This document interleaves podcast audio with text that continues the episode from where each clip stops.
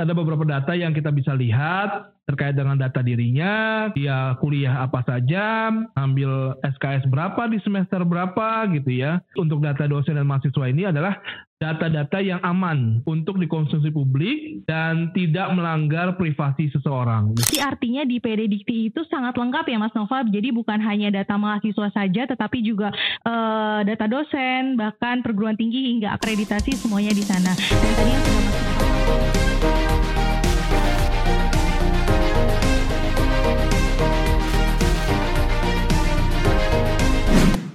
Insan Dikti, uh, selamat datang di podcast Dikti Menyapa dalam segmen PD Dikti Bisa, uh, PD Dikti Bincang Santai.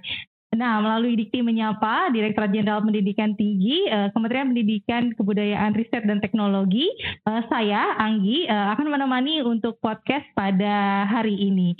Uh, sebelum kita mulai, uh, saya di sini uh, ingin memberitahukan dulu bahwa uh, saat ini kita sudah melalui protokol kesehatan, maka saya izin untuk membuka masker terlebih dahulu.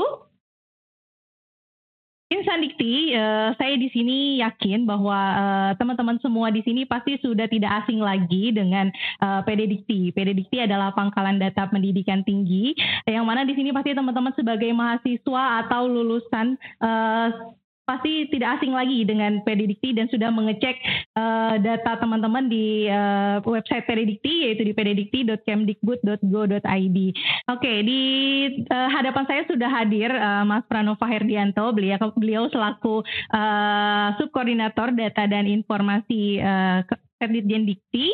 Uh, kita sapa terlebih dahulu. Selamat siang Mas Pranova, Mas Nova. Halo siang Anggi. Apa kabar Mas? Baik, alhamdulillah. Oke, nah Mas Nova ini kita lagi uh, lagi uh, ingin berbincang santai mengenai PD Dikti. Uh, nah di sini tuh banyak uh, insan Dikti yang belum tahu apa sih PD Dikti itu. Mungkin Mas Nova bisa cerita uh, PD Dikti itu apa kepada insan Dikti. Baik, jadi PD Dikti itu uh, singkatan dari Pangkalan Data Pendidikan Tinggi. Jadi sesuai dengan Undang-Undang Nomor 12 Tahun 2012 tentang Pendidikan Tinggi, kita punya instrumen yang namanya PDDT ini yang merupakan kumpulan data penyelenggaraan pendidikan tinggi yang terintegrasi secara nasional. Jadi tugas PDDT saat ini untuk mendatakan semua perguruan tinggi yang ada di Indonesia semua mahasiswa, semua dosen, dan juga proses Tridharma yang ada di perguruan tinggi Indonesia guna apa? Guna untuk mendukung yang namanya sistem penjaminan mutu pendidikan tinggi. Oke, baik. Uh, kemudian untuk sejarah Pedidikti sendiri, Mas Nova, itu berdirinya tahun berapa sih atau awal mulanya itu seperti apa pada Pedidikti? Ya, jadi kegiatan pendataan ini sebenarnya eh, jauh sebelum Benedikti ada itu sudah terjadi. Dulu tahun 2002, 2003 di Direktorat Jenderal Pendidikan Tinggi kala itu sudah ada namanya program EPSBED atau EPS BED. Nah, itu adalah singkatan dari evaluasi program studi berbasis evaluasi diri. Jadi dari program itu, setiap program studi yang memiliki izin dari Dikti itu wajib melaporkan data, wajib mengumpulkan data setiap akhir semester. Jadi saat ini kita punya data dari ya sejak tahun 2002-2003 itu ya. Kemudian AppsBet berkembang menjadi waktu itu PDPT sama waktu itu pangkalan data pendidikan tinggi, kemudian akhirnya disempurnakan tahun 2014 dalam kerangka sistem Dapodik atau di Kemdikbud waktu itu dikenal dengan data pokok pendidikan, kita rebranding dengan nama Pedidikti sampai dengan sekarang alhamdulillah. Oke baik, uh, jadi uh, untuk perkembangannya sendiri memang ada beberapa kali pergantian nama begitu ya Mas Nova ya. Uh, tapi di uh, terakhir ini namanya menjadi PD Dikti ya, PDDIKTI gitu ya. Betul. Kita kenal dengan PD Dikti. Nah kalau untuk pelaporan sendiri Mas Nova, sejak kapan sih untuk pelaporan itu? Dan ini kan kita di uh, Dikti ini ada empat kategori. Pertama ada perguruan tinggi negeri, perguruan tinggi uh, swasta, kemudian perguruan tinggi uh, agama dan juga perguruan tinggi kedinasan. Nah apakah empat kategori ini memang uh, sama untuk tahun pelaporan awalnya dan bagaimana uh, proses pelaporannya? Apakah uh, itu satu tahun sekali atau tiap bulan? Ya, Jadi kalau pelaporan PD Dikti, karena kita mengacu ke program awal, yaitu EPSBED, tentu tidak semua waktu itu perguruan tinggi mengetahui uh, adanya program ini. Ya. Seperti yang Anggi tadi sampaikan, bahwa saat ini memang ada empat kelompok perguruan tinggi, yaitu perguruan tinggi negeri atau PTN, dan perguruan tinggi swasta atau PTS di bawah lingkungan Kementerian Pendidikan Kebudayaan, Riset dan Teknologi. Kemudian ada juga kelompok yang kita sebut PTA, Perguruan Tinggi Agama. Ini yang terdiri dari e, negeri dan swasta juga, yang saat ini dikelola oleh Kementerian Agama. Itu dari setiap e, agama ada perwakilannya. Kemudian yang keempat adalah perguruan tinggi eh, kedinasan atau perguruan tinggi kementerian atau lembaga non kementerian lainnya. Mungkin eh, di masyarakat ada yang namanya misalnya Politeknik STAN, ya, Akademi Militer, ya, Politeknik eh, STIS. Nah itu adalah merupakan yang PTK tersebut. Nah keempat kelompok perguruan tinggi ini memiliki kewajiban pelaporan yang berbeda-beda karena tadi itu proses pengenalannya juga tidak semerta-merta kita uh, lakukan pada saat itu. Jadi untuk yang PTN dan PTS waktu itu kita wajibkan uh, mulai mahasiswa baru angkatan 2003. Kemudian untuk yang perguruan tinggi agama setelah itu kita baru uh, berkoordinasi dengan mereka itu jadi kita tetapkan waktu mulai mahasiswa baru angkatan 2009. Dan yang terakhir perguruan tinggi kementerian lain adalah uh, mulai mahasiswa baru angkatan 2012. Jadi memang tidak uh, semua mahasiswa itu datanya ada di Pedidikti sesuai da dari kondisi yang tadi saya sampaikan. Jadi uh, memang saya sadar di tengah kebutuhan data yang semakin meningkat ini, banyak yang merasa oh, kok saya nggak ada data di PDDT padahal udah nyari nih ya. Ya bisa jadi karena hal tersebut. Dan jangan takut ketika memang yang bersangkutan uh, tidak berada di periode wajib laporan artinya memang tidak wajib ada di PDDT nah yang mungkin harus uh, khawatir uh, ketika yang masuk periode wajib. Maka saya sarankan untuk setiap mahasiswa dosen mencek datanya dan juga perguruan tinggi selalu melaporkan data secara berkala dan uh, tepat waktu. Ini tuh. Oke, baik ya. Terima kasih Mas Ranova. Nah, uh, bagi teman-teman yang belum uh, mengetahui nih Mas, uh, kan di di, di aplikasi Pedidikti itu uh, ada apa aja sih Mas di dalam uh, website Pedidikti itu? Ya, kalau kita sekarang punya uh, laman Pedidikti, jadi di alamat pddikti.kemdikbud.go.id. Jadi laman ini eh, kita buka, kita open, masyarakat bisa mengakses eh, dan melakukan pencarian. Jadi kita lihat, kita analisa, ternyata fitur yang paling sering digunakan oleh user kita, oleh publik adalah pencarian. Maka kita coba eh, tingkatkan fitur pencarian ini pada Pedidikti. Sehingga mas, apa, masyarakat itu bisa mencari data mahasiswa, data dosen, data perguruan tinggi, dan juga data program studi gitu ya.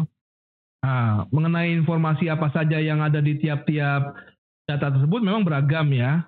Kalau perguruan tinggi kita bisa melihat berapa sih jumlah dosennya gitu ya. Baik yang tetap maupun tidak tetap. Kemudian eh, apa saja sih program studi yang dimiliki oleh PT tersebut, kemudian data-data detail seperti akreditasi, ya, alamat, kemudian juga detail jumlah mahasiswa dan jumlah dosen itu ada pada perguruan tinggi. Kemudian dari data prodi kita juga bisa drill down ke bawah, kita bisa melihat juga detail prodinya seperti apa. Dosennya siapa saja, ya. Pendidikan tertinggi dosennya bagaimana, eh, mahasiswanya perkembangannya bagaimana sehingga mudah-mudahan dari situ masyarakat dapat melihat oh eh, prodinya akreditasinya misalnya A atau unggul atau bahkan eh, B atau baik sekali gitu ya. Oh jumlah dosennya sekian yang S3 dan lain-lain.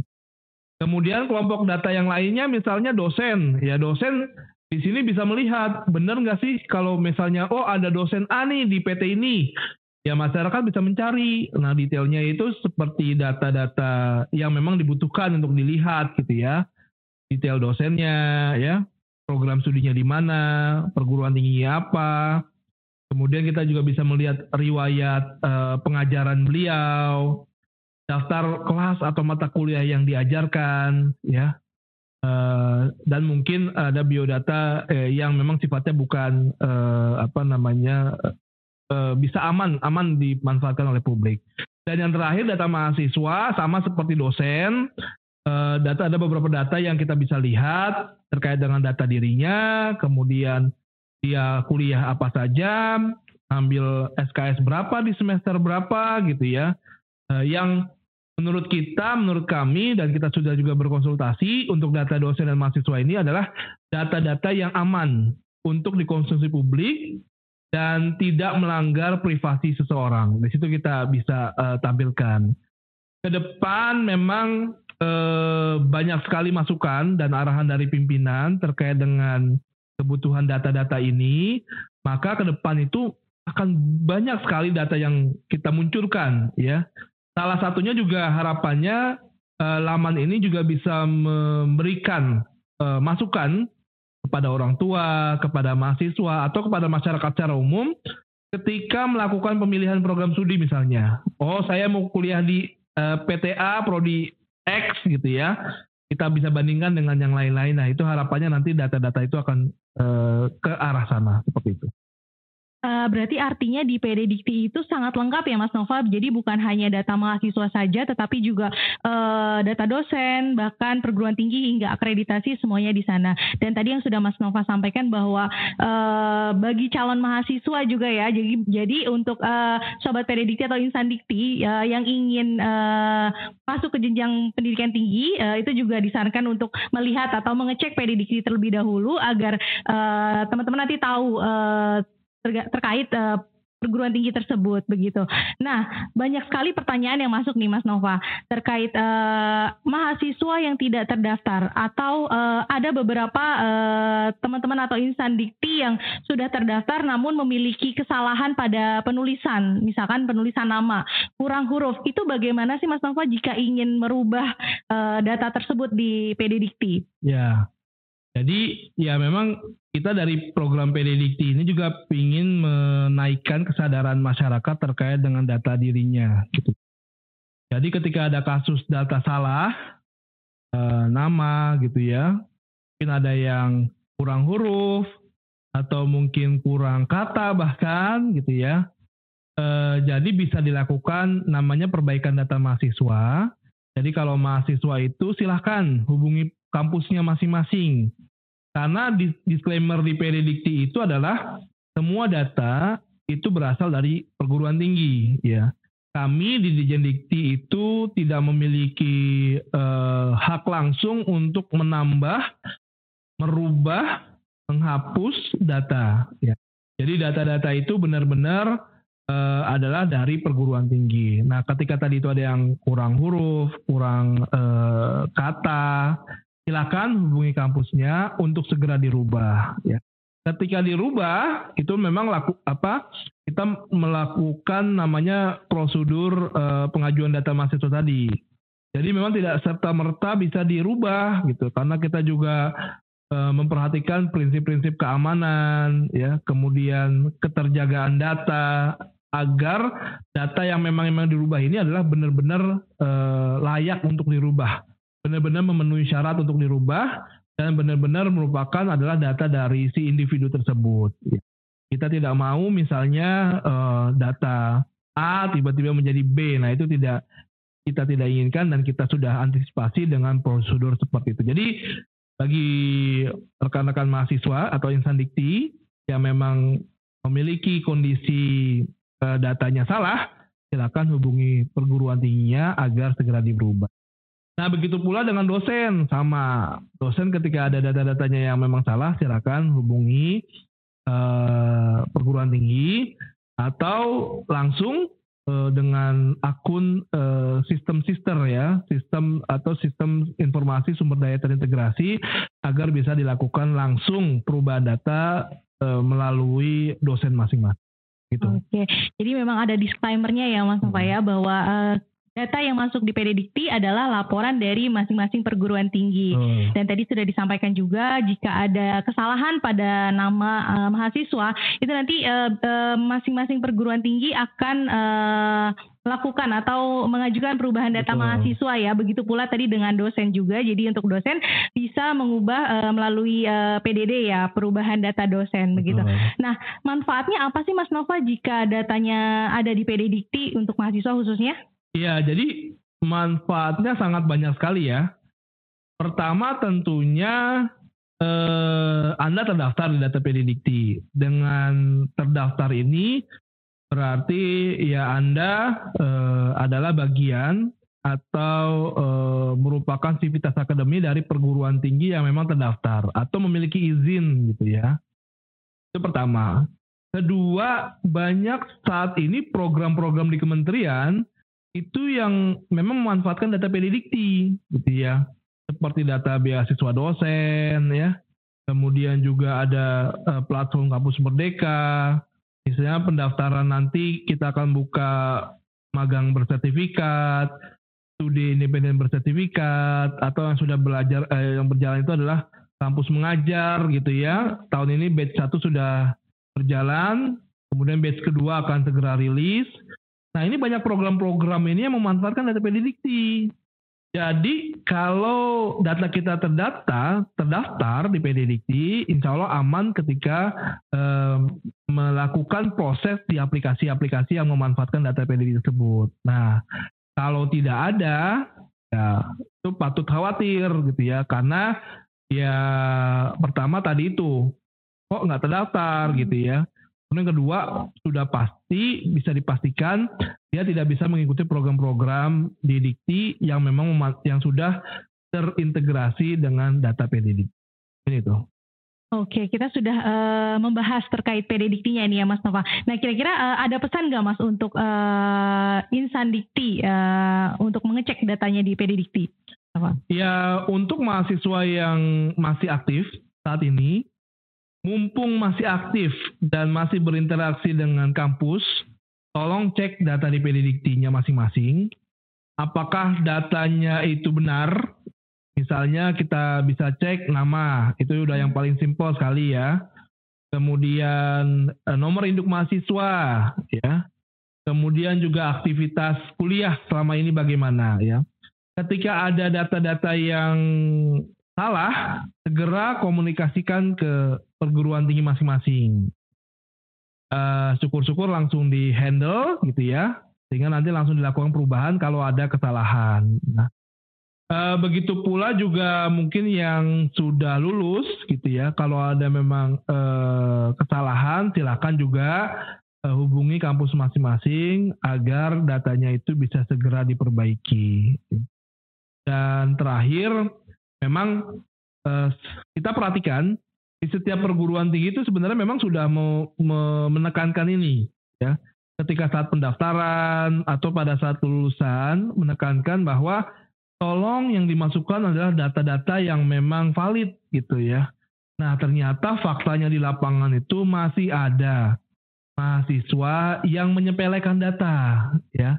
Menyepelekan data jadi mengisi uh, tidak serius ya melaporkannya asal-asalan sehingga baru terjadi masalah kalau nanti ada masalah gitu ya.